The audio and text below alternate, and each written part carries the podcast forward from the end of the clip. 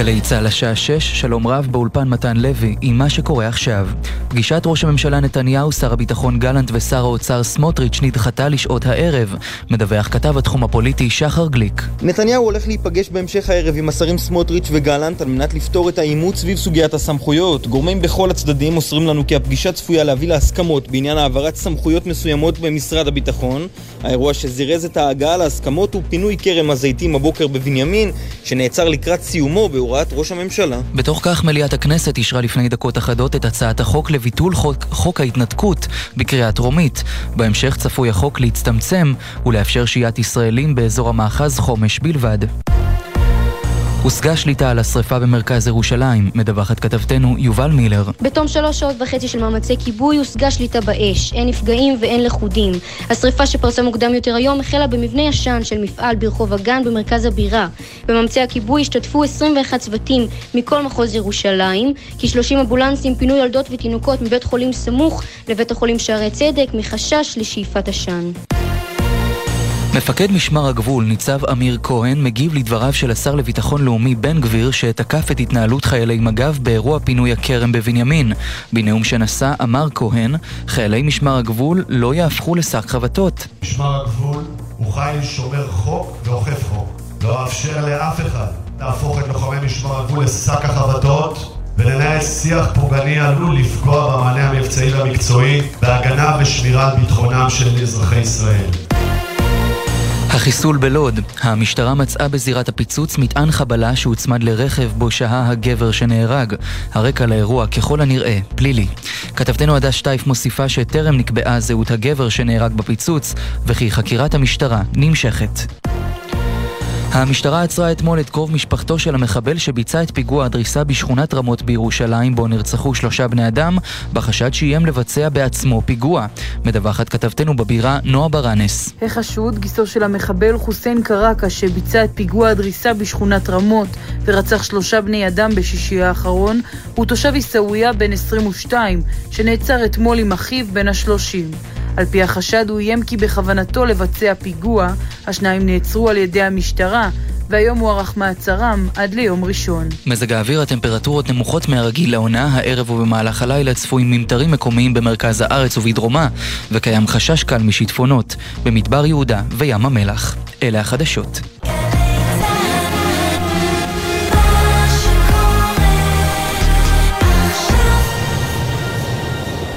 בחסות ביחד בשבילך, מועדון ההטבות של ההסתדרות, המציע כרטיס אשראי חינם, הצובר בשבילכם נקודות טיסה בכל חברות התעופה. כפוף לתקנון. בחסות אוטודיפו, המציע מצברים לרכב עד השעה תשע בערב בסניפי הרשת, כולל התקנה חינם. כי כדי להחליף מצבר, לא צריך להחליף לשעות עבודה יותר נוחות. אוטודיפו. עכשיו בגלי צה"ל, עמית תומר ושי ניב, עם החיים עצמם.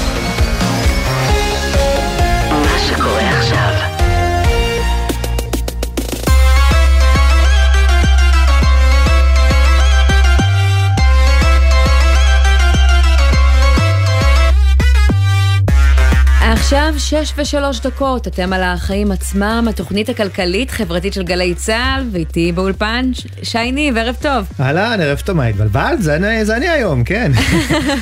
עמית תומר, מה שלומך? כן, אני רואה אותך, רוב המאזינים ככה רק שומעים אותנו, אבל ממש יושב מולי, קשה לפספס, אני בסדר, מה שלומך?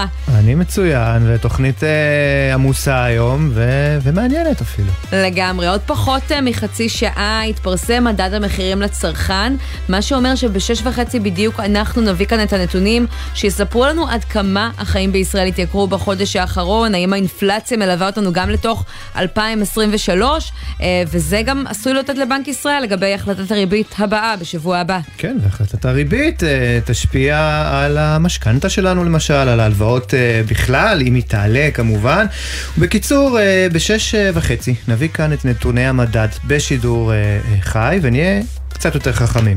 אה, נדבר גם עם מישל אה, סטרבצ'ינסקי, מי שעד לא מזמן היה מנהל חטיבת המחקר וחבר הוועדה המוניטרית בבנק ישראל, ולצד זה התפרסם גם מדד מחירי הדיור, אני יודע שחיכית לו.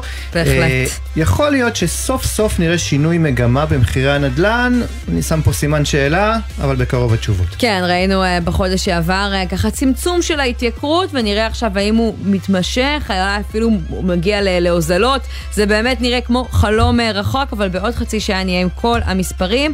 ובינתיים נהיה עם עוד עניינים חשובים, אזהרת ראשי הבנקים לשר האוצר סמוטריץ', הוא פרסום uh, רשמי של חוק ההסדרים, הרפורמות הכלכליות שילוו את תקציב המדינה, שהולך ומתקרב לעברנו, וגם נספר לכם על אלו שלא עברו את הסינון הסופי. למשל, אחת שהייתה יכולה לעודד יבוא מקביל ולהקל לנו על הכיס, אבל נפלה בדרך, בעיניי פספוס, וכנראה גם לא פספוס בטעות, אלא תוצאה של לחץ של היבואנים הגדולים. נרחיב על זה בהמשך. כן, לא מפספסים כל כך מהר. אה, נגיע גם לשינוי שמקדמים במשרד הבריאות, במטרה לסייע לנו מול בתי החולים, ככה להרחיב קצת את אפשרות הבחירה שלנו.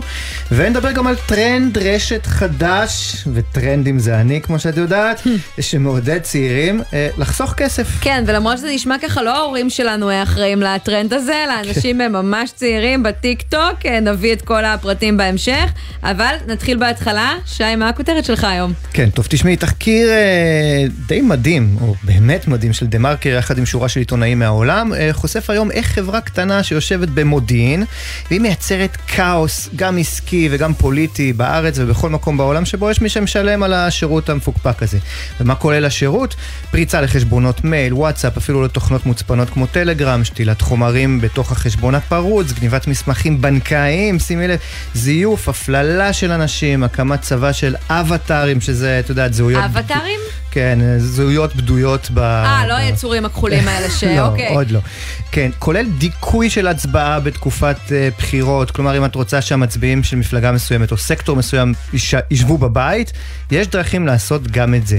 שיבוש האמון במוסדות מדינה, הרשימה ארוכה. פשוט שימוש בכל הכלים שאת יכולה לדמיין כדי לשבור אנשים או מוסדות, לחסל אותם עסקית או פוליטית. מי היו הלקוחות שלהם? זהו, עכשיו, הלקוחות הם ממש בכל העולם, אם זה באפריקה, וכל הקטע בתחקיר זה שהצליחו ככה אה, לעבוד עליהם, על החבר'ה האלה ממודיעין, ו... אה, אה, אה, להתחזות בעצם ללקוחות פוטנציאליים. Mm. עכשיו תראי, כל החבורה הזאת עומדת, אה, שעומדת בראש המשרד הזה במודיעין, הם כולם יוצאי מערכת הביטחון וקהיליית המודיעין. כלומר, גופים שמשתמשים בכלים שהם אולי רק בחלק מהמקרים לגיטימיים במלחמה בטרור, או במדיניות, במדינות עוינות שמפתחות נשק גרעיני, את זה הם עושים עכשיו כדי לגרוף רווח כלכלי. וזה הדבר הכי מרתיח בסיפור הזה, שחייבים לטפל בו בצורה הכי חמורה שיכולה להיות. כי מעבר להיבט המוסרי, והרבה מעבר, את יודעת, לתדמית, התדמית הרעה שזה מייצר לישראל בעולם, נזכיר לך פרשות כמו בלק uh, קיוב. מי שלוקח ידע מסווג, שמיועד לקודש הקודשים ומחולל באמצעותו כאוס כזה בשביל בצע כסף, צריך לשבת בצינוק כל החיים שלו. כן, אין ספק שזה נשמע כמו איזה סרט מתח גם כל הסיפור הזה. לא, אולי מחרתיים בנטפליקס. כן. כן. מה הכותרת שלך? אז הכותרת שלי, ותסלח לי כי אני עומדת להיות בוטה, היא שהממשלה מתכוונת לחסל ביום ראשון את העיתונות החוקרת בישראל. על חוק ההקלטות של חבר הכנסת בועז ביסמוט, כנראה כבר שמעתם, הוא מבקש לאסור פרסום הקלטה אה, של אדם ללא אישורו וידיעתו, כלומר כמו בחוק האמריקני, אם הקלטה שלא בהסכמת אה, שני הצדדים מתפרסמת, זאת עבירה פלילית. זו לא הפעם הראשונה שבלון הניסוי הזה מופרך בשנים האחרונות, איכשהו תמיד בידי אה, נציגי הליכוד, אבל הפעם זה מפתיע במיוחד משתי סיבות. קודם כל, מגיש ההצעה, עורך ישראל היום אה, לשעבר, לכאורה עיתונאי, שאמור להבין את המשמעות של החוק הזה על חופש העיתונות, החל מיכולת להביא כל מיני הקלטות עסיסיות, כמו הביקורת של סמוטריץ' של נתניהו, שנחשפה ערב הבחירות, או הקלטות אה, ישראל בכר אצל הרב שלו, לפיהם בני גנץ סחיט, שדווקא סייעו לצד השני של המפה הפוליטית, ועד עניינים שקשורים גם לחיים עצמם, ויכולים לשנות חיים, כמו היכולת שלנו לחשוף באמצעות הקלטות הונאות ועוולות צרכניות, אבל יותר מדאיג בעיניי, וזה הדבר השני היוצא מן הכלל, העובדה שהפעם זה מתקדם. היום פורסם שזה יעלה להצבעה בישיבת הממשלה כבר בשבוע הבא, וככה היוזמה הזאת יכולה להגיע יותר רחוק ממה שהגיע אי פעם. כלומר, כל הדברים שתיארנו אוטוטו יכולים להפוך לעבירה פלילית. וכולי תקווה שהם יתעשתו לפני שזה יקרה. נורא. נתחיל?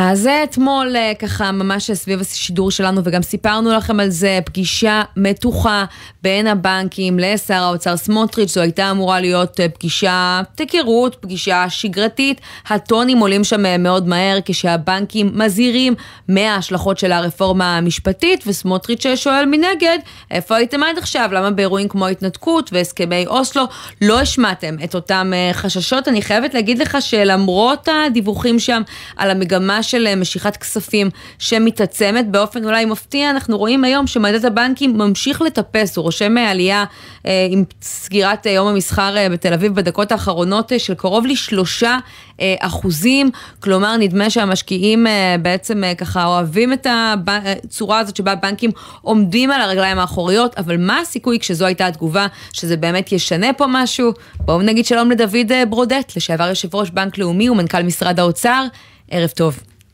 ערב טוב לכם. אז אתה מכיר את הסיפור הזה מכל אה, הכיוונים, מכל צידי המתרס, זה מאוד חריג, התנגשות כזאת, נכון, בין בכירי אה, המערכת הבנקאית לשר אוצר. כן, זה באמת אה, אירוע חריג, אבל אנחנו נמצאים במציאות חריגה, לכן שבמציאות הזאת קורים את האירועים החריגים האלה, כפי שהיה כנראה אתמול.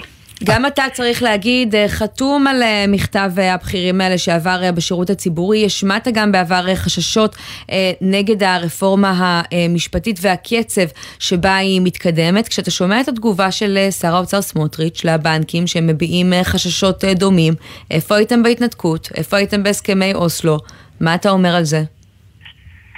טוב, אני חושב שזה לא מן העניין. כלומר, ההתנתקות, אוסלו וסוגיות מהסוג הזה, הן באמת סוגיות פוליטיות שבו יש דעות שונות, ואנחנו יודעים שהעם מפולג בנושא הזה, חלק כאן וחלק כאן. ו... וזה לא נוגע ישירות לנושאים הכלכליים. למה הנושא הזה, הנושא הזה של המהפכה המשטרית והחקיקה המיוחדת שרוצים לשנות, היא כן רלוונטית לבנקאות ולכלכלה, מהסיבה מאוד פשוטה. החקיקה הזאת משנה כללי משחק. את כללי המשחק של המערכת המשפטית, וכתוצאה מכך את כללי המשחק של המערכת הכלכלית, כמו מערכות אחרות. אתה גם מגדיר אותה בכמה מקומות ממש כמהפכה ולא כרפורמה. כן, זו מהפכה. בצורה הנוכחית כפי שהיא מוצגת כרגע. היא תהיה רפורמה אם יהיה איזו פשרה שתהיה מאוזנת יותר. למה אני מגדיר אותה כמהפכה? כי זאת מהפכה שבעצם מבטלת את המעמד העצמאי של מערכת המשפט. ברגע שאנחנו מבטלים את המעמד העצמאי של מערכת המשפט ולא תהיה לנו מערכת משפט עצמאית, למעשה אנחנו נמצאים רק ברשות מבצעת שהיא בעצם מכוחה היא שולטת על הכנסת בגלל המשטר הקואליציוני ומכוח המהפכה הזאת היא תשלוט על הרשות השופטת ובמידה רבה יהיה לנו רק רשות מבצעת וזאת מהפכה, זאת מהפכה שפוגעת בדמוקרטיה, פוגעת באיזונים והבלמים, היא פוגעת בכללי המשחק. וברגע שאנחנו מדברים על כללי המשחק היא פוגעת בכלכלה והיא כבר חורכת את שולי גלימתה של הכלכלה והבנקאות הישראלית, ולכן אה, נזעקים הבנקאים, כן. אבל נזעקים אנשי ההייטק ונזעקים אה, כל, כל הציבורים המקצועיים במשק נזעקים מהמהפכה. תשמע, הזכרנו קודם את, ה, את השאלה הזו שהפנה שר האוצר סמוטריץ', איפה הייתם ב, באוסלו, ואתה יודע, באופן, באופן אירוני, באוסלו, אתה היית באוסלו, היית ראש המשלחת של המשא ומתן הכלכלי בצד הישראלי ב-94 נדמה לי, ואני... ולכן אני תוהה עד כמה בכלל אפשר לגשר על הפער הזה מול אה, אה שר אוצר שמגיע אה, אה, עמוק מצד אה, מאוד מאוד מסוים במפה הפוליטית, שכשהוא שואל אתכם, ואתה, אתה יודע, אתה גם באמת אה, אה, היית שם וניהלת משא ומתן, אה, אה, איפה אתם הייתם, איך אפשר בכלל לענות אה, אה, לדבר כזה? מצבי בעניין הזה הוא, הוא, הוא, הוא באמת מצב טוב, כי אף אחד לא לא אה, התלונן שיש משא ומתן כלכלי, כי גם הימין רוצה שלום כלכלי. כן. במרכאות או לא מרכאות. כך שבנושא הכלכלי יש, אה, הייתי אומר, קונצנזוס רחב מאוד, שיש יש צורך ורצון ליצור אה, מציאות כלכלית טובה יותר לפלסטינאים, מתוך הנחה שזה גם מציאות טובה יותר לישראל. אבל כן מעניין אותי, אתה יודע, דווקא בגלל הכובעים שלך בעבר, כיושב ראש, כראש אגף תקציבים וכמנכ"ל משרד אוצר, שיושבים מולו, עזוב עכשיו את הבנקאים, אבל הדרג המקצועי באוצר, והם אלה שצריכים להתריע בפניו על המצב הכלכלי ועל החששות. איך הם, איך הם עצמם מגשרים על הפערים האלה מול שר אוצר שהוא מאוד פוליטי, מה לעשות, כמו הרבה מאוד שרי אוצר אחרים? תראה, אני לא יודע להגיד לך לגבי ההרכב הנוכחי של צמרת משרד האוצר, איך הם מתמודדים עם שר האוצר. אני לא, אני לא מדבר איתם, כלומר אין לי קשר ואני לא יודע את דעותיהם ומה נאמרים בחדרי חדרים. אה, שמעתי התבטאות חג של אה, הכלכלנית הראשית של משרד האוצר, כן. שהיא אמרה שהסיכון הכלכלי גדל עם הרפורמה הזאת, וזה בעצם אה, אמירה מאוד כלכלית מאוד רלוונטית, משום שגם כבנקאים וגם ככלכלנים אנחנו מנהלים סיכונים. אנחנו מסתכלים על הסיכונים. הסיכונים הללו הם סיכונים כלכליים, בין השאר זה דירוג אשראי, בין השאר זה, אה, כפי שאמרתי מקודם, זה הפרת האיזונים, כן. של כללי המשחק המשקיים. לכן, אני לא יודע מה אומרים אנשי האוצר כרגע, אבל אני מניח, אולי אני אפילו מקווה, שהם מציגים שיש, שבמציאות הרפורמטיבית הזאת, או המהפכנית הזאת, כל אחד לשיטתו, יש סיכונים שצריך לקחת אותם בחשבון, ואי אפשר להתעלם מהם. בעצם אה, אתה אומר, בין אם אומרים, בין אם לא אומרים, יש מספיק אה, שאומרים, גם כלכלנים, גם הבנקים, ראינו אותם בינתיים, נראה שהדברים נופלים על אוזניים ערלות. מה הבנקים צריכים לעשות עכשיו? תראה, הבנקים לא, אין להם מה לעשות, הם לא ייקחו אה, אה, את החוק לידיים. הם כרגע, מה שאני הבנתי, לא בסך הכל מה הם אמרו לשר האוצר? אדוני שר האוצר, אנחנו רואים סיכונים, אנחנו רואים סימנים שהסיכונים האלה מתחילים להתממש. אנחנו רואים אנחנו מגמה של אה, כספים שיוצאים אה, מישראל ופתיחת חשבונות כן, זרים פי כמה ממה שקורה בדרך כלל. נכון, זה, זה מה שאני אומר, סימנים שמתממשים בהוצאת הפקדונות, וזה עדיין לא מסכן את יציבות הבנקים, אבל, הבא, אבל בסופו של דבר, בשורה התחתונה, אם הבנתי נכון, מה שאמרו לשר האוצר, קבל את מתווה הנשיא ותיכנסו למשא ומתן והידברות בין שני הצדדים כדי להגיע לאיזשהו הסכם טוב יותר. זה מה שאמרו להם הבנקאים. הבנקאים לא אמרו, אנחנו כך וכך. אמרו, אנחנו מציגים בפניך, אדוני שר האוצר, את הסיכונים. אנחנו אומרים לך איפה כבר ישנם התממשויות. השאלה, כשאנחנו רואים שהסיכונים האלה יוצאים אה, מהחדר הסגור אה, ומגיעים אה, גם לידיעת הציבור, ממש דקות אחרי הפגישות האלה כל פעם, האם לדעתך הבנקים נוהגים בחוכמה? כי בסופו של דבר הם גם מבהילים את המשקיעים, ואז כשאנחנו רואים באמת שככה יש מגמה של משיכת כספים מישראל, נשאלת השאלה השאלה האם היא מתגברת בגלל אותה הבהלה, או בגלל שיש כבר עכשיו מקום לחשש. אז אתה חושב שזה נכון שהם אה, פונים אה, ומזהירים? אני מבין שביקשו מהם לבוא, זאת אומרת, ביקשו להם, שר האוצר ביקש מהם לבוא ולדבר, אז הם הציגו בפניו מה שהם רואים.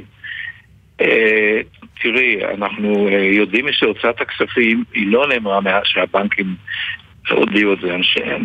חברות הייטק הצהירו במפורש, חברה, חברה אחרי החברה.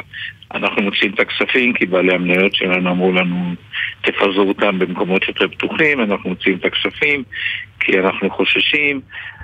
כלומר, היו כל מיני התבטאויות, כלומר, ההתבטאויות של הוצאה כספים איננה התבטאות אה, דווקא בנקאית, דווקא הגופים עצמם, אנחנו לא יודעים, בעצם אנחנו לא יודעים מה שקורה באמת עד מלוא ההיקף. אבל אתה חושב שזה עניין אידיאולוגי, מחאתי, או שיש כבר עכשיו סיבה אמיתית לדאוג ליציבות של הכלכלה הישראלית ולהתחיל לחשוב מה עושים עם החסכונות, בין אם אני חברה, בין אם אני אדם פרטי? לא, זאת החלטות, זאת החלטות אינדיבידואליות של אנשים שונים. אני אה, אה, לא נותן כרגע עצות למיש, לאף אחד, אבל אני אומר שוב, יש כל מיני חששות לאנשים. יש חברות הייטק שהוציאו כספים, יש ישראלים בודדים אולי שהוציאו כספים, יש אנשים ששינו את תיק ההשקעות שלהם ממניות ישראליות למניות חו"ל, מתוך הנחה שישראל נמצאת היום בתנודתיות, בואו נשקיע עכשיו בעולם שיש יש שם אה, אה, התאוששות טובה יותר, ואנחנו לא רואים את זה בהיקף המתאים בישראל, למרות הפתיח שלך ששוק ההון היום עלה, אז אני לא יודע למה הוא עלה, אבל אני גם לא מסתכל על תנודה של יום-יומיים. הדיון כרגע על המגמות. כן. מה הרפורמה הזאת בצורה הנוכחית יכולה לעשות. ואתה אומר שהמגמות הן אה, מדאיגות. כן, דוד ברודט, יושב ראש בנק לאומי, אנחנו חייבים לסיים, תודה רבה שהיית איתנו. לשעבר. לשעבר, כמובן.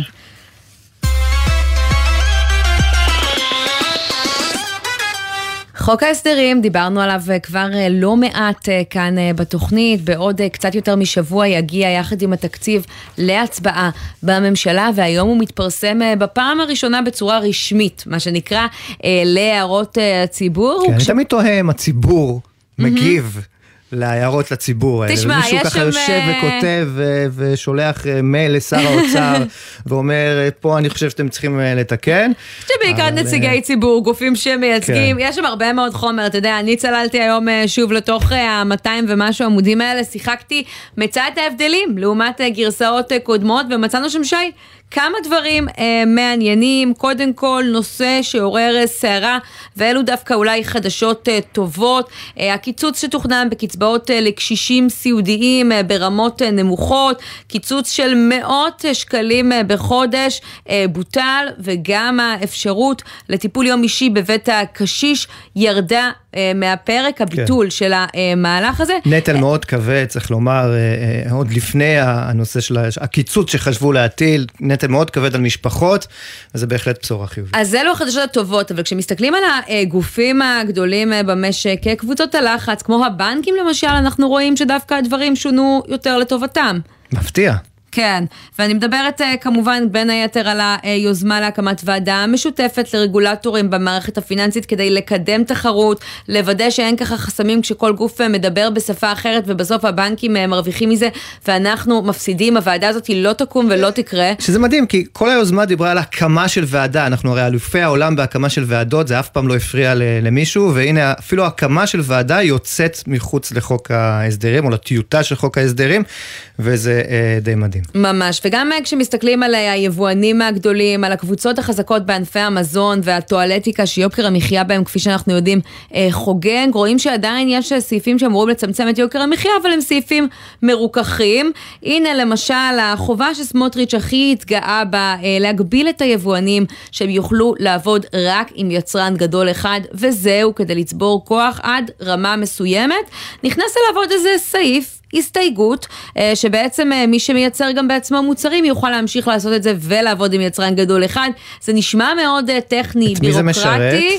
זה זכה כבר לכינוי הפחות מכובס, סעיף סטארקיסט, משווקת דיפלומט, מייצרת את סטארקיסט בעצמה בתאילנד, עובדת עם הרבה מאוד יצרנים גדולים אחרים. שזה נותן לנו הצצה, אגב, ככה על איך עובדים לוביסטים בעיקר בכנסת ישראל ובוועדות השונות, וזה תמיד, את יודעת, הניסוחים הם אף פעם, אה, אנחנו קוראים לזה עכשיו, אה, כמו שאמרת, אה, סעיף סטארקיסט, כן? אבל באופן טבעי אף אחד לא כותב את זה, כן. ולא מדבר על דיפלומט, וזה תמיד ככה, יש איזה היגיון ואיזה רציונל ציבורי, ובסוף אנחנו יודעים שזה משרת... אה, אה, אה, מישהו מאוד ספציפי, או גוף מאוד ספציפי, או אינטרס אה, מאוד ספציפי של אה, בעלי עניין. ובהקשר הזה של היבואנים הגדולים, הנה עוד משהו שהם ככה מצליחים לזקוף לזכותם, ביטול של אחד הסעיפים שהכי הטרידו אותם, חיזוק היבוא המקביל, סעיף שבעצם היה אמור להכריח אותם לפרסם הבהרה בחוזים עם היצרנים שהם עובדים איתם, שהם יוכלו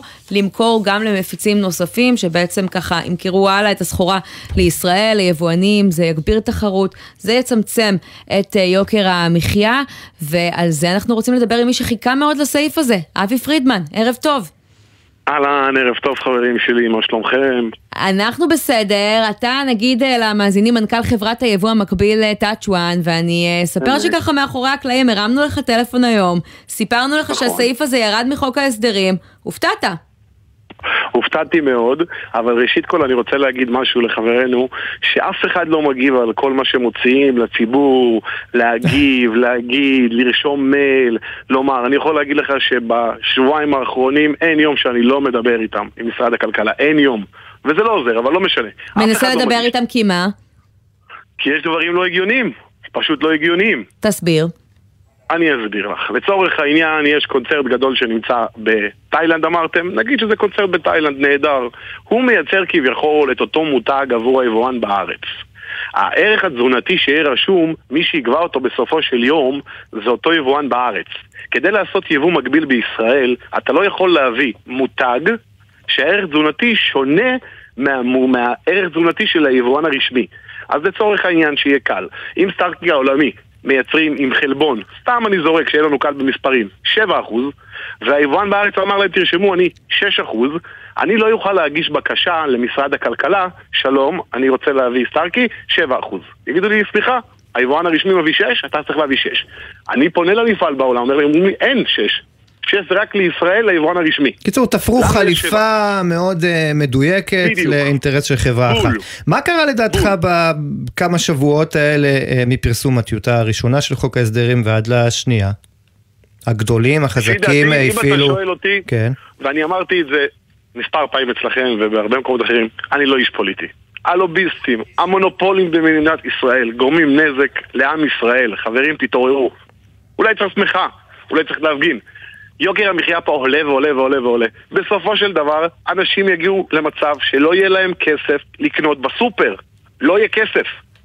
אבל אבי, אני, אני אגיד מה קרה בכמה שבועות האלה. בין היתר מנכ"ל כן. דיפלומט נועם וימה נפגש עם שר הכלכלה ניר ברקת, אה, נכון. דיפלומט צ'סטוביץ', שולחים מכתבים על ימין ועל שמאל לאוצר נגד אותם אה, רפורמות אה, מסתמנות. נכון. גם אתה אומר מהצד השני, הנה, אני מדבר על בסיס יומיומי עם משרד באמת? הכלכלה. תספר לנו נכון. על האינטראקציה הזאת מאחורי הקלעים, כמה הרגשת שאפשר להשפיע שם?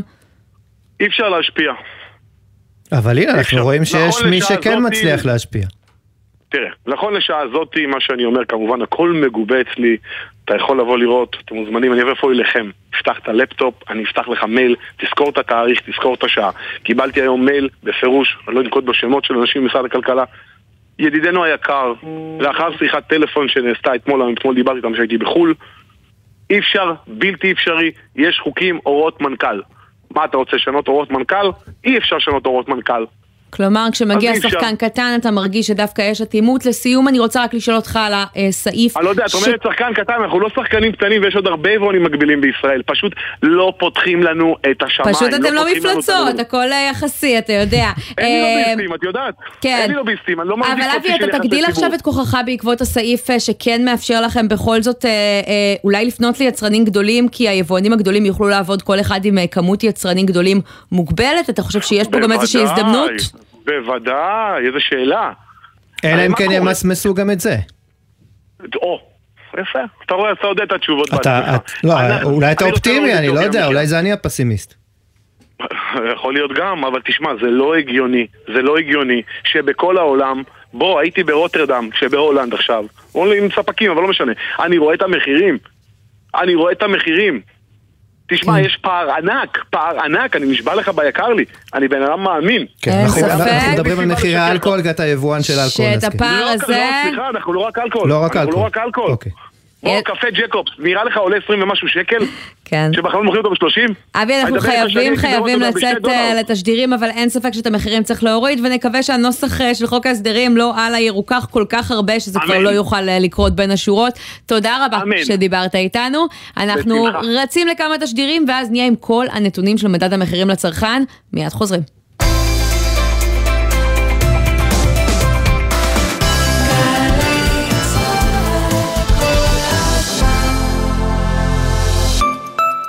ביום שלישי, ל' בשבט, 21 בפברואר, נתרגל היערכות לשעת חירום בכל בתי הספר וגני הילדים בארץ. את התרגיל יובילו משרד החינוך ופיקוד העורף בשיתוף הרשויות המקומיות. התלמידים יתרגלו בעת ההפסקה את הנחיות ההתגוננות בעת אירוע ירי טילים. בשעה 10 וחמישה יישמע עוד תרגול בית ספרי בכל מוסדות החינוך ברחבי הארץ. עוד פרטים אפשר לקבל במרכז המידע הארצי של פיקוד העורף בטלפון 104 ובאתר פיקוד העורף בכתובת עורף.org.il co.il.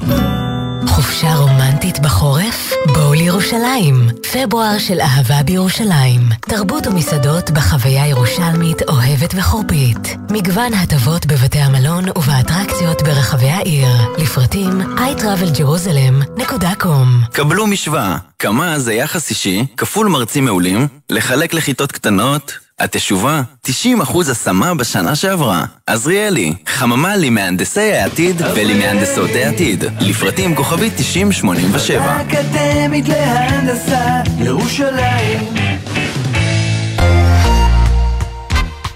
גמר גביע המדינה בכדורסל בגלי צה"ל. מכבי תל אביב או הפועל ירושלים. מי תניף את הגביע הנכסף?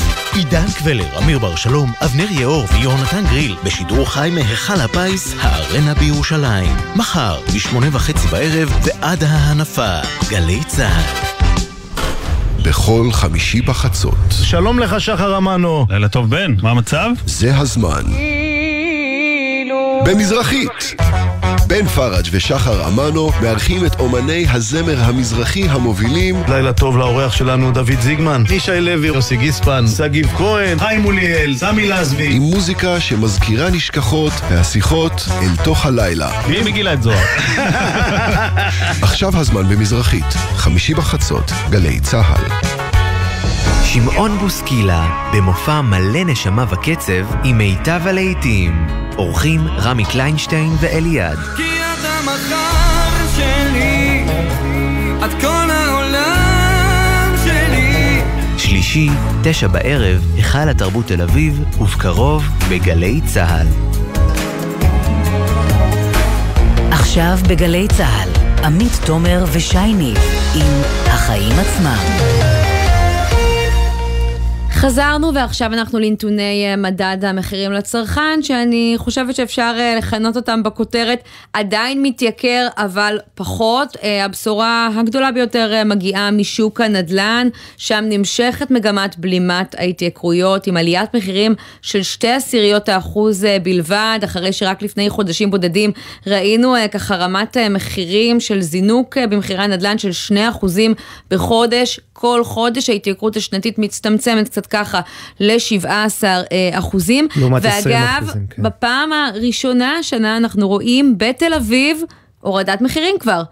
טוב, את התל אביבית בינינו, אז uh, ברכות. אותי זה מלהיב, כן. אבל uh, בוא נגיד ככה, זה לא השינוי שיגרום לי להיות uh, יכולה לקנות uh, דירה, ועדיין נראה שמדובר בסנוניות מעודדות. מהצד השני, כשאנחנו מסתכלים על האינפלציה, אנחנו רואים שהיא עדיין מטפסת בשלוש עשיריות האחוז, זה הטווח הגבוה יותר של תחזיות הכלכלנים, וזה אומר שגל עליות המחירים עוד ממש לא מאחורינו, uh, וזה גם uh, מעמיד את uh, בנק ישראל uh, בדילמה לקראת uh, עליית הריבית uh, בשבוע הבא, ואנחנו רוצים לדבר על כל זה עם פרופסור uh, מישל סטרבשינסקי, שלום. שלום לכם ושלום למאזינים. האוניברסיטה העברית, ועד ממש לא מזמן מנהל חטיבת המחקר וחבר הוועדה המוניטרית בבנק ישראל. מישל, אתה כמונו מקבל את הנתונים האלה בדקות האחרונות. מה הבשורה המשמעותית ביותר מבחינתך בהם? אז באמת מבחינת שיעור הגידול השנתי, אנחנו עדיין לא רואים את הירידה שחלק מהכלכלנים ציפו בהסתכלות קדימה, וזה משהו שבנק ישראל ידע את זה,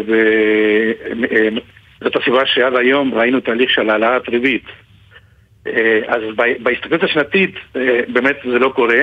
איפה שזה כן קורה זה בנתונים מנוקי עונתיות. כשמסתכלים על נתונים מנוקי עונתיות, יש כבר איזושהי תקופה שהמחירים יורדים, וגם אה, בסעיפים שקשורים, ל, אני קורא למשתנים חיצוניים, כמו אה, דברים שקשורים למחירי הסחורות, במזון, וגם בהלבשה והנהלה, ראינו את זה במדד הזה. כן, בהלבשה והנהלה צריך לומר, ראינו את זה גם בשטח, מה שנקרא, ראינו את זה בחנויות, ראינו את זה במבצעים הגדולים, והנה זה בא לידי ביטוי גם במדד. נכון, אבל בהסתכלות קדימה, אה, עדיין מרגישים שיש את אותו מאבק, לא רק של בנק ישראל, גם של הפד. אה, מול המחירים, גם שם התפרסמו מחירים לאחרונה. אה, אז הבנקים המרכזיים עדיין במשחק הזה ויצטרכו להמשיך להתמודד עם הנושא הזה. אז אם אנחנו צריכים uh, לנחש, אנחנו נמשיך לראות uh, עליות uh, ריבית, אבל אולי ב, ככה ב, uh, באופן אולי קצת יותר מתון מהפעמים הקודמות, או שאתה חושב שנראה עליות דומות? אז קודם כל כבר ראינו התבטנות בעליות, מחירים, בעליות הריבית, גם בארצות הברית, גם בישראל. נכון, מ-0.75 לחצי אחוז. כן, זה, הדברים האלה הם לא מקריים, אם הם מתרחשים זה בגלל שרואים כבר ש... את אותה ירידה שהזכרתי בהתחלה. אבל כל עוד אנחנו לא רואים התמתנות של המדד באופן כללי, זה אומר שהמשחק הזה עדיין תקף. באיזשהו שלב חיכו שההתמתנות הזאת תתחיל ב-2023. וראינו שזה עדיין לא קורה, גם אמרו לנו באחרונה בבנק ישראל, מין שידרו לנו שעליות הריבית אולי מתקרבות לאיזשהו אה, מיצוי, התחזית השנתית מדברת על אה, הגעה ל-4% בסוף השנה, זה לא כל כך רחוק מאיפה שאנחנו נמצאים היום, כשאתה רואה את המספרים האלה זה נראה לך עדיין ריאלי או שהריבית שוב תעלה מעבר לתחזיות? טוב, ק- קשה לדעת, זה החלטות שהתקבלו בוועדה המוניטרית, אבל באופן כללי, הסעיפים שהם קשיחים, אתם הזכרתם למשל את מחירי הדיור. אז מחירי הדיור בפעם הראשונה רואים התמתנות בגידול השנתי, כן, ואפילו ירידה בתל אביב כמו שהזכרתם, אה, שזה בעצם משהו שמבשר משהו על שיווי המשקל שיקרה בהמשך. כי אם מסתכלים על המדד, דווקא מה שנכנס נכנס שם זה מחירי השכירות. ובמחירי השכירות אפילו היה עדכון במשקל מ-24.7% ל-26%. לכן זה סעיף מאוד משמעותי שישפיע בהמשך. אה, מבחינת ה... אתה אומר עדכון, אולי רגע נסביר לה- למאזינים שלנו באופן כללי, מכיוון שזו שנה חדשה, אה, בדקו את סל המוצרים של הצרכן הממוצע וביצעו כל מיני שינויים לקראת המדד הזה. אתה יודע להגיד לנו מה מה השינויים המרכזיים שם? כן, אה, שלושת הסעיפים הגדולים הם דיור, מזון ותחבורה ותקשורת. דווקא תחבורה ותקשורת ומזון זה אולי חדשות טובות לבנק ישראל מבחינת הריבית במובן הבא. אה, בתחבורה ותקשורת זה ירד מ-18.4 ל-17.5 ומדובר שם על סעיף שלאחרונה מחירי הנפט קצת עולים וכך הלאה. לעומת זאת במזון אה, זה עלה מ-17.9 ל-18.3 ואם נמשיך רגע, תסביר אולי ל- למאזינים שלנו ככה בצורה הכי פשוטה, כשאתה אומר נגיד 18.3, למה אתה מתכוון? זה פשוט אותו חלק של הסל כפי שהוא נמדד במדד. אז למשל, אם מחירי המזון בארצות הברית מתחילים לרדת, כתוצאה מזה גם אצלנו, כי אנחנו מייבאים את הסחורות האלה, זה אומר שזה יקבל ביטוי יותר משמעותי. אותה ירידה תקבל משקל יותר גבוה במדידה של המדד. אוקיי? זה מה שזה אומר. לכן מבחינה זו, שני הדברים האלה כביכול עשויים להיות טובים לבנק ישראל, אבל מהצד השני יש את העלייה באותו חלק שמשקף את מחירי השכירות. אה, קשה לנבא מה בדיוק יקרה בשוק הזה, אבל אנחנו כן רואים איזושהי התמתנות גם בביקושים, זה- בכל מיני מדדים רואים התמתנות בביקושים במחירי הדירות, וזה בהחלט יכול לסמן איזושהי התחלה של התקררות ש- שציפו לה, ציפו לה, כלומר כבר הרבה זמן רואים סימנים. אתה רואה את ההתקררות הזו גם בשוק השכירות? אני מנסה להבין. או ששם דווקא עלייה? זאת שאלה מצוינת. תראה, אנחנו כל הזמן ראינו אה, את העליות המ- המאוד מאוד גבוהות בתל אביב, כן. במרכז. לא, לא, ראינו, לא רואים את זה בפריפריה.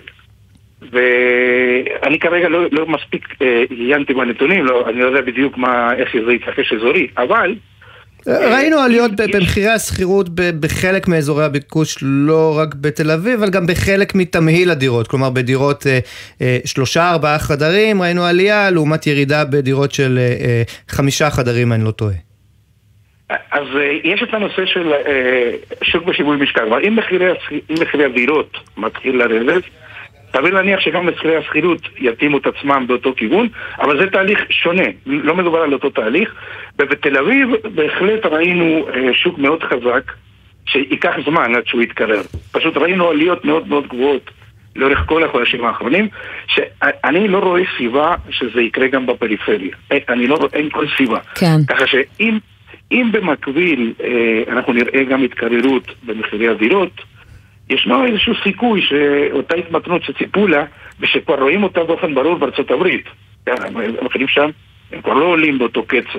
ותגיד, אנחנו רואים את, ה, את השקל, אה, באמת אם אתה מזכיר את אה, ארצות הברית אה, נחלש, ומצד שני את המחירים עולים, וזה בסופו של דבר אומר שככה אזרחי ישראל משלמים יותר על הרבה מאוד מוצרים, ואם יהיו עוד העלאות ריבית, אז גם ישלמו יותר על המשכנתאות ועל ההלוואות. איך אפשר לשים סוף לפלונטר הזה? בסופו של יום הבנקים המרכזיים הם עקשניים.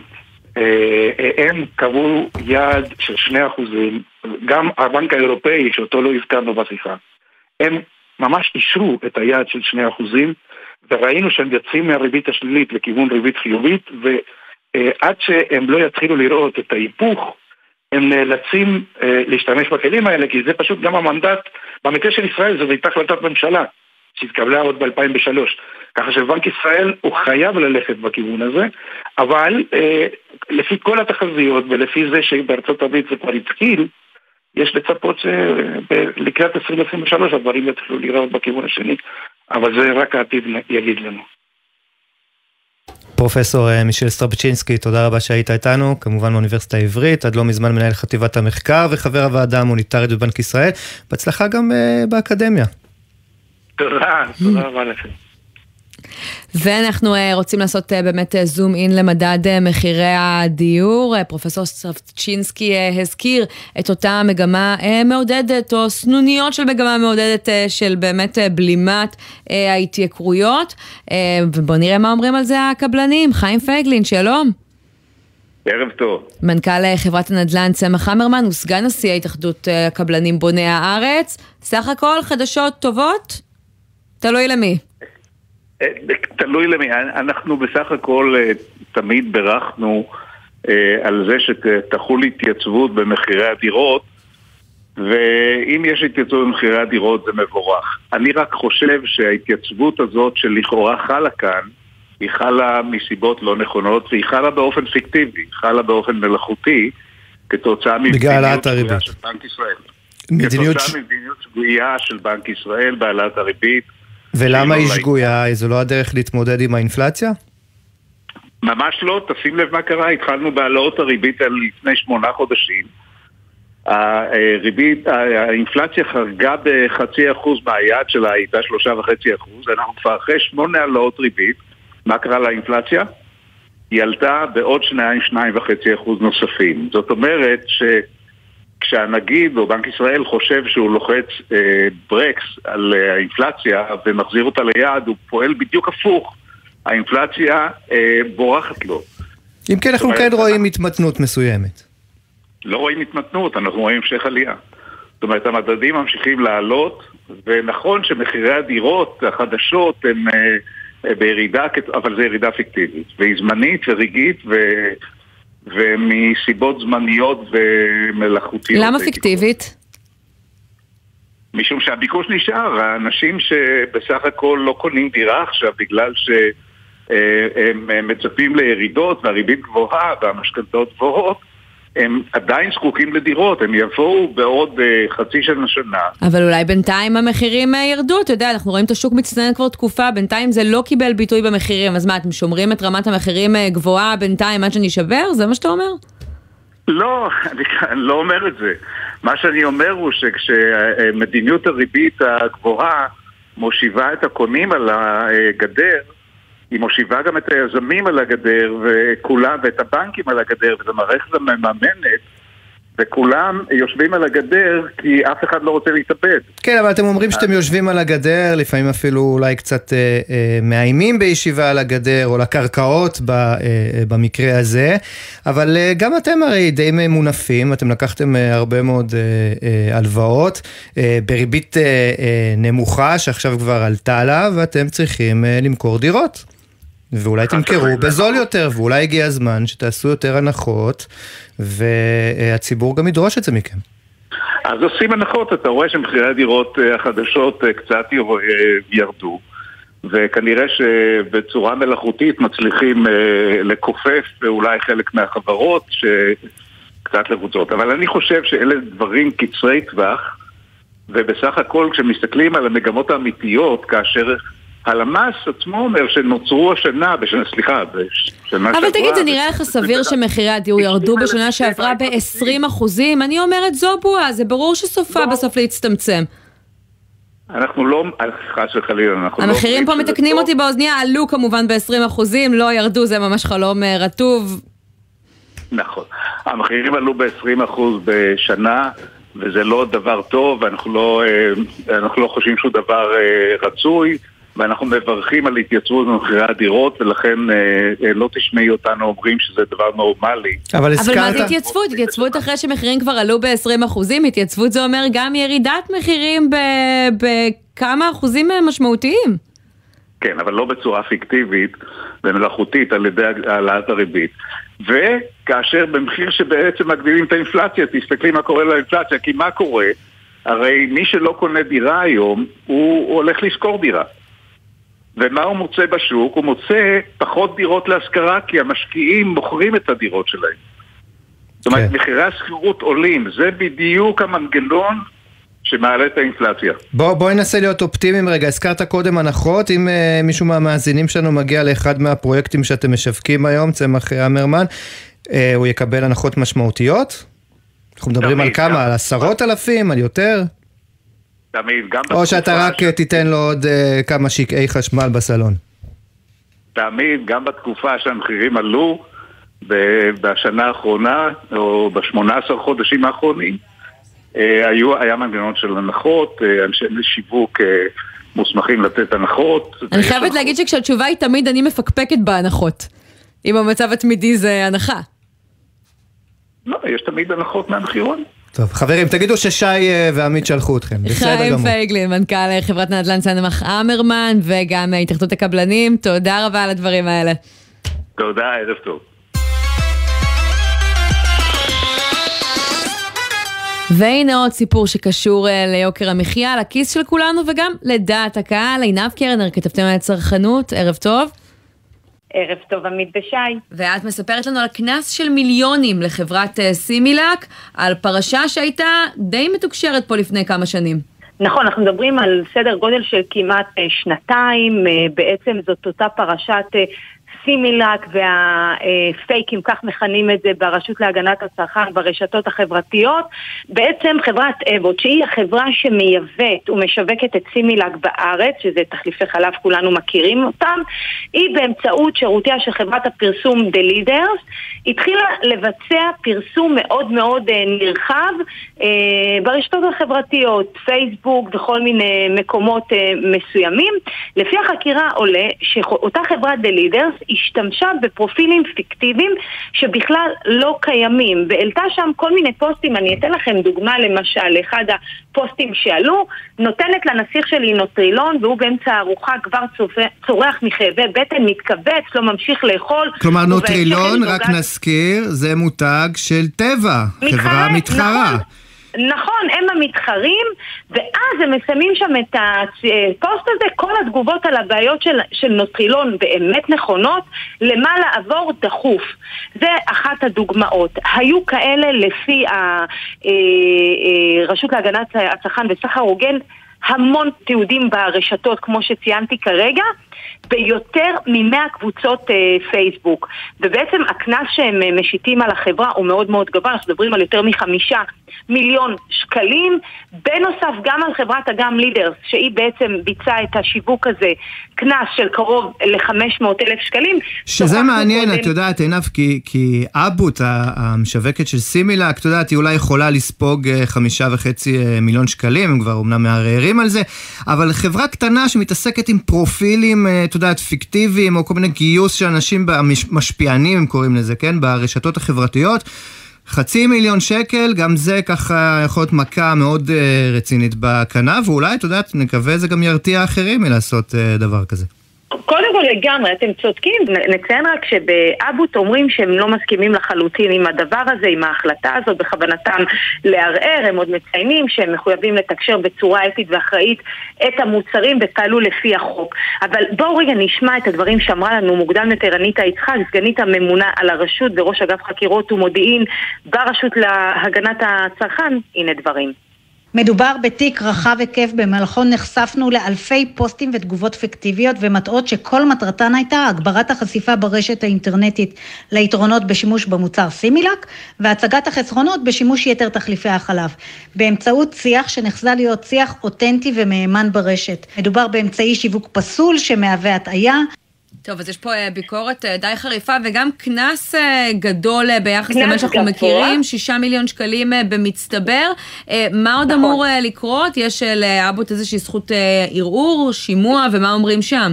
זה, זה, זהו, זה מה שאמרתי קודם, שהם שוללים לגמרי את כל הטענות האלה והם מתכוונים לערער על ההחלטה הזו. אגב, אני רק רוצה להזכיר לכם שביוני 2020 טבע פרסמה שהיא תובעת כ-40 מיליון שקלים מאבוט על כך, על אותו סיפור בעצם שהיא הפעילה את כל השיח המטה הזה ברשתות החברתיות לגבי מוצרי נוטרילון. כן, וההליך הזה מה שאותה- עדיין מתנהל ב- בבית המשפט. נכון, ולכן כרגע אני להערכתי, ומה שאני שומעת מגורמים נוספים, שלטבע הפעולה הזאת עכשיו של הרשות היא עוד איזשהו שחקן חיזוק, לבסס את טענותיה, אבל צריך באמת לראות מה, יהיה, מה יוחלט בסוף, כי כן. מבחינת אבוט הם ממש אומרים, אנחנו לא שוללים את כל הטענות האלה. עינב קרנר, כתבתם על צרכנות, תודה רבה על הדברים האלה. תודה, תודה לכם, ערב טוב.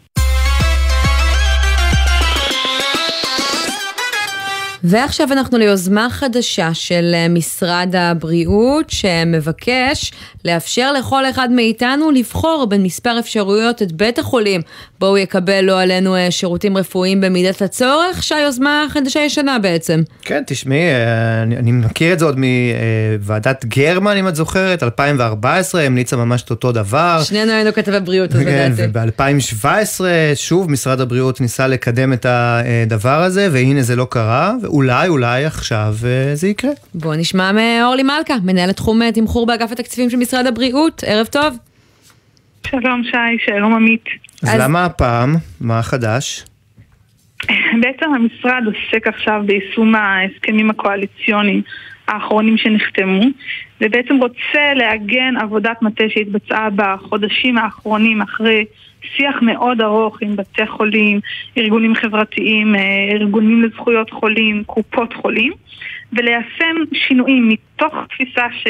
משהו באמת צריך להשתנות. אבל כי מה הבנתם? שבסופו עבודות... של דבר, אה, הרבה פעמים היום, כפי שנטען בעבר, אה, בתי החולים, סליחה, קופות החולים מפנות את המטופלים לאיזה בית חולים שנוח להם לפי אינטרסים כלכליים, הסכמי התקשרות, וככה הם מרוויחים ואנחנו לפעמים מפסידים? אנחנו בעיקר מבינים שהיום המטופל מצפה לבחור, ושאנחנו צריכים לתת לו יותר בחירה. לכן במסגרת העבודה שלנו אנחנו המלצנו על כמה כיוונים, כשכן הבסיס מדבר בסוף על שמירה, על תעדוף של שירותי קהילה שכן יינתנו בקהילה ולא בתוך בתי חולים. אז רגע, בואי נגיד רגע איך, איך זה יעבוד. שירותים שצריכים בבתי חולים יינתנו בתוך בחירה מסוימת. אז איך זה יעבוד? כי הבחירה היא לא אה, אה, מוחלטת, נכון? יש כמה נכון, בתי חולים? המצב, בואי תסבירי, כן. בעצם המצב היום אומר שמי שמגדיר את הבחירה על המטופל הוא קופת החולים שמבצעת התקשרויות עם, קופ, עם uh, בתי חולים כדי לבוא ולהסדיר את השירותים שיינתנו למטופל, זה כל השירותים שאנחנו מכירים, זה ניתוחים, זה בדיקות, זה אשפוזים, כל אלו בעצם הקופה מתקשרת, כשהיא מחויבת כיום על פי חוק ביטוח בריאות ממלכתי, היא מחויבת לספק ולהתקשר עם ספקים כך שהשירות יינתן באיכות סבירה, בזמן סביר ובמרחק תוך סביר. תוך כמה זמן נוכל לראות את הדבר הזה משתנה? אה, כל אחד בעצם יכול לבחור אה, לאן להתפנות? אנחנו, ההמלצות שלנו, של הצוות המקצועי שעכשיו נמצאות בעצם בהיוועצות ציבורית, אנחנו מדברים על כמה שינויים. השינוי הראשון מדבר על כך שלכל שירות שצריך להינתן בבית חולים יהיה סטנדרט מינימלי של ארבעה בתי חולים, לא פחות מכך, כאשר שניים צריכים להיות בתי חולים קרובים ושני בתי חולים צריכים להיות בתי חולים גדולים, מרכזי על.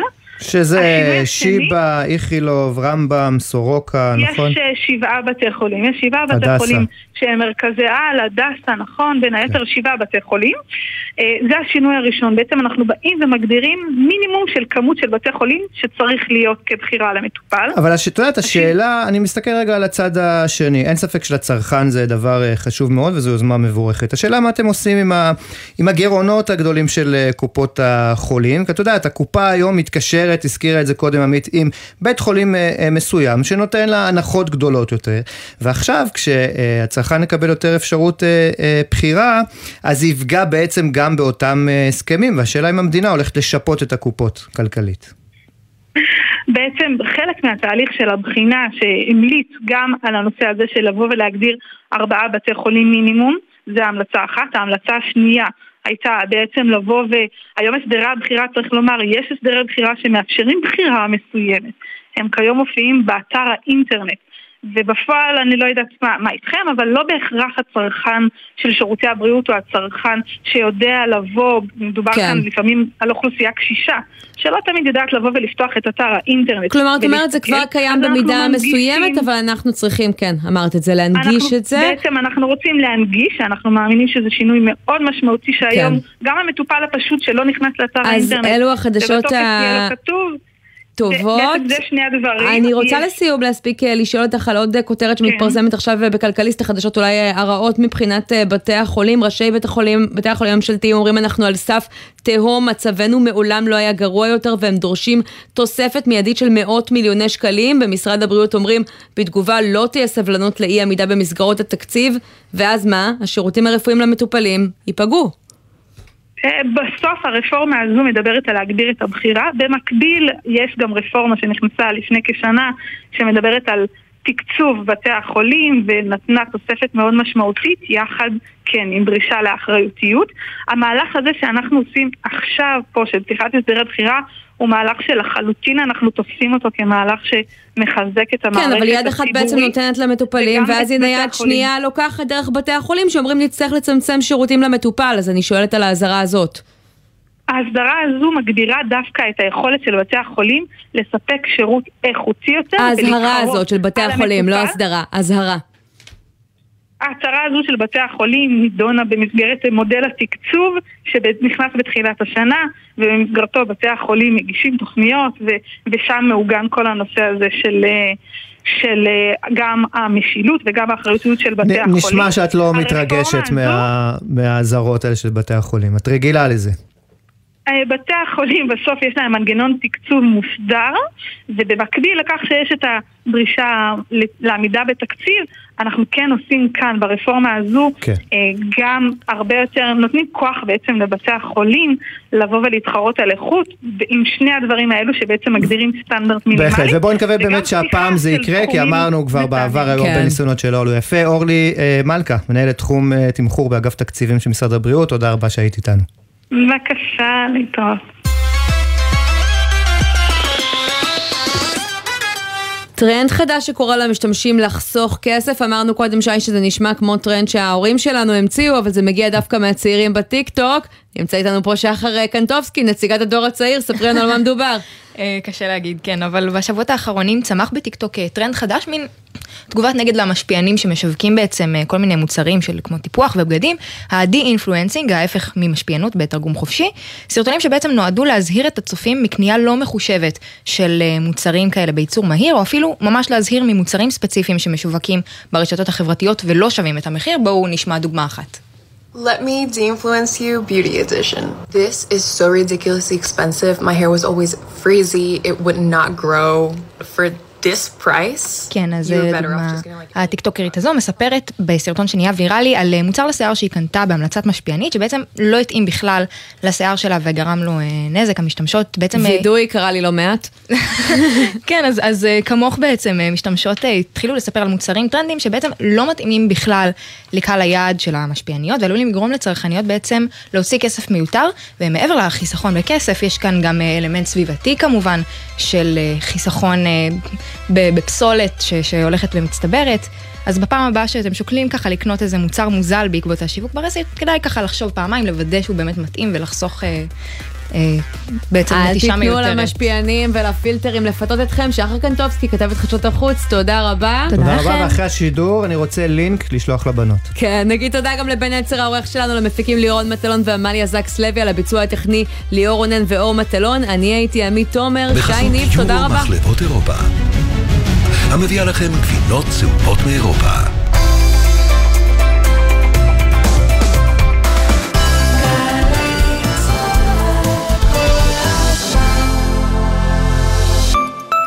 למצוא חנייה כדי להוריד את הקטנצ'יק למעון יום? זה תיק. לרשום אותו למעון יום לשנה הבאה? זה קליק. הורים לפעוטות? שימו לב, גם השנה הרישום למעונות יום מתבצע באופן מקוון ונגיש, בלי לצאת מהבית. מחפשים ברשת מעונות יום מסובסדים, נכנסים ורושמים את הקטנטנים למסגרות שמסבסד משרד העבודה. אז מהרו, והבטיחו לילדיכם מקום בקליק. ההרשמה מסתיימת ב-21 בפברואר. משרד העבודה, יש עם מי לעבוד. משרד התחבורה מציג נתיב פלוס 2. במקום שלושה נוסעים, הנסיעה מותרת לשניים ומעלה. בכביש 1, ממחלף דניאל ועד מנהרות הראל. שימו לב, הנתיב פועל בימים א' עד ה' בין 6.5 ל-9.5 בבוקר, ובשישי בין 12 ל-5 אחר הצהריים. ביתר שעות היממה, הנסיעה חופשית לכולם. עוד מידע באתר. מגיש משרד התחבורה. תקה, ידעת שאפשר לשלם חשבון חשמל בוואטסאפ? אומרים וואטסאפ. אמרתי, וואטסאפ. עזוב שקע, אתה לא טוב בלועזית. חברת החשמל, זמינים גם בוואטסאפ. בין תל אביב לאילת יש כ-90 מקומות עצירה לקפה. זאת אומרת, 90 הזדמנויות ללכת להתפנות מבלי להיפגע בטעות בזמן שאתה רץ חזרה לרכב. אז בנסיעה הבאה אל תעצור בשולי הכביש ואל תסכן את חייך. הרלב"ד מחויבים לאנשים שבדרך. ג'ם, ג'ם, ג'ם, ג'ם, ג'ם, ג'ם, ג'ם, הג'ם, ג'ם, ג'ם, ג'ם, ג'ם, ג'ם, ג'ם. הג'ם של קוטנר. בכל חמישי יואב קוטנר מארח את האומנים הכי מעניינים להופעה חיה באולפן. והשבוע, שגיב כהן ועודד גדיר. הג'ם של קוטנר, עכשיו ביוטיוב של גלגלצ. ומחר, בשתיים בצהריים, בשידור בגלי צה"ל. יאה. שלום לכם, כאן אבשלום קור. הדלפה היא דיבור כמו מעט מים. שטיפת מוח זה הרבה מים. השר לפיתוח הנגב והגליל הוא יצחק וסרלאוף. פירוש השם, מים זורמים. האזינו לפינתי מחר, יום חמישי, בבוקר לפני שש, בצהריים מחר לפני ארבע, ותזרמו. מיד אחרי החדשות, עידן קבלר.